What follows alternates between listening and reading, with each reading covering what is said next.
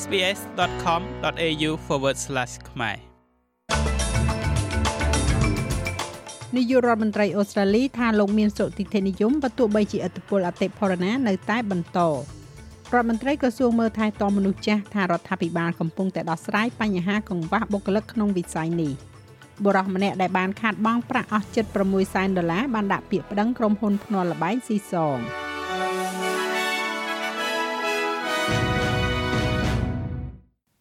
លោកនាយករដ្ឋមន្ត្រី Anthony Albanese មានប្រសាសន៍ថាលោកនៅតែមានសុតិធិនិយមអំពីអនាគតរបស់ប្រទេសអូស្ត្រាលីបើទោះបីជាប្រទេសនេះប្រឈមមុខទៅនឹងបញ្ហាសេដ្ឋកិច្ចក៏ដោយលោក Albanese បានទទួលស្គាល់ថាការសម្រេចចិត្តរបស់ធនាគារកណ្ដាលនៅសប្តាហ៍នេះក្នុងការបន្តដំឡើងអត្រាការប្រាក់របស់ខ្លួន កំពុងតែដាក់សម្ពាធបន្ថែមទៅលើក្រុមគ្រួសារនិងអាជីវកម្ម។ ធនាគារកណ្ដាល ABA បាននឹងកំពុងដំឡើងអត្រាការប្រាក់ក្នុងគោលបំណងទប់ស្កាត់អតិផរណាដែលគេនិយាយថានៅតែខ្ពស់ពេកនៅ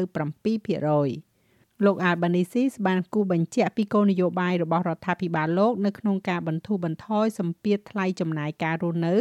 ប៉ុន្តែនិយាយថាលោកយល់ថាប្រជាជនកំពុងតែធ្វើវាយ៉ាងលំបាក ក្នុងពេលជាមួយគ្នានេះរដ្ឋមន្ត្រីក្រសួងមើលថែទាំមនុស្សចាស់ឬហៅថា Aged Care របស់ប្រទេសអូស្ត្រាលីមានប្រសាសន៍ថា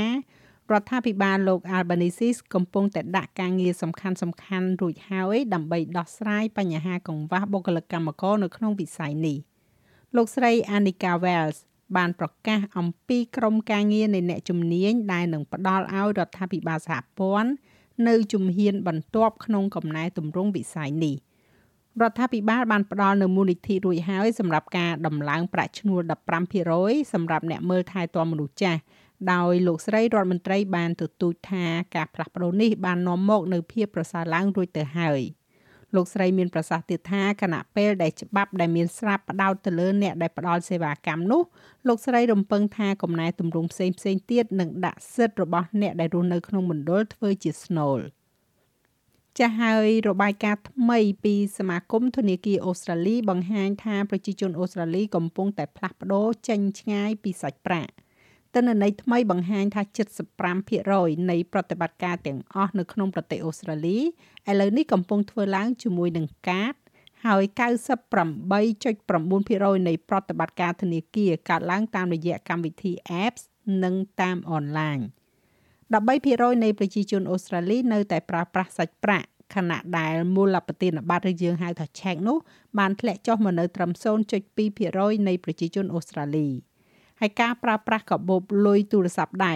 ឬភាសាអង់គ្លេសហៅថា mobile wallets ក៏កំពុងតែកើនឡើងផងដែរជាមួយនឹងកាតជាង15លាន3សែនកាតត្រូវបានចុះឈ្មោះនៅក្នុង Mobile Wallets កាលពីឆ្នាំមុនដែលកើនឡើងពីជាង2លានកាតនៅក្នុងឆ្នាំ2018 ចុះក្រោយគេនេះបរិះម្នាក់ដែលបានខាតបង់ប្រាក់អស់ជិត6សែនដុល្លារបានដាក់ពាក្យប្តឹងក្រុមហ៊ុនភ្នាល់លបែងស៊ីសង Sportbet និង BetEasy ដោយចោទប្រកាន់ថាពួកគេបានលើកទឹកចិត្តដល់ទម្លាប់លេងល្បែងរបស់គាត់ដោយមិនបានប្រាប់គាត់អំពីបញ្ហានៃការលេងល្បែងរបស់គាត់នោះទេលោក Alexander Gassner កំពុងតែស្វែងរកវិធីស្ដារការខាតបង់របស់គាត់មកវិញហើយក៏កំពុងចោទប្រកាន់ក្រុមហ៊ុនទាំងនេះថាបានចូលរួមនៅក្នុងការប្រព្រឹត្តដោយមិនដឹងខ្លួនយោងទៅតាមឯកសាររបស់តុលាការទោះបីជាដឹងអំពីការចាញ់លបាយស៊ីសងដ៏ច្រើនរបស់លោក Gassner នៅចន្លោះខែសីហាឆ្នាំ2015ដល់ខែមិថុនាឆ្នាំ2021ក៏ដោយក៏ក្រុមហ៊ុនទាំងនេះមិនបានឈានដល់ការផ្ដល់ជំនួយឡើយ។ លោក Gassner អះអាងថាជំនួសឲ្យការដោះស្រាយបញ្ហារបស់គាត់ក្រុមហ៊ុនភ្នាល់លបែង Bet Easy និង Sportbet បានផ្សព្វផ្សាយយ៉ាងសកម្មនិងតាក់ទាញគាត់ឲ្យបន្តលេងល្បែង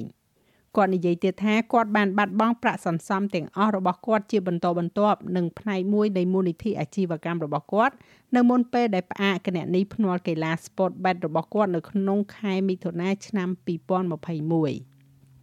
ចំណែកឯអត្រាប្តូរប្រាក់វិញ1ដុល្លារអូស្ត្រាលីមានតម្លៃប្រមាណជា66សេនកន្លះដុល្លារអាមេរិកត្រូវនឹង2750រៀលប្រាក់រៀលខ្មែរ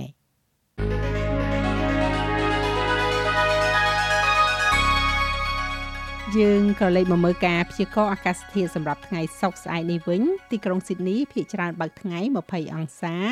នៅមែលប៊នរលឹមប៉ុន្តែតិចទៅតិចទៅ15អង្សា អាដាលេដរលឹមបន្តិចបន្តួច15អង្សាដែរនិងនៅទីក្រុងភ្នំពេញមានផ្គររទះរាយប៉ាយ32អង្សា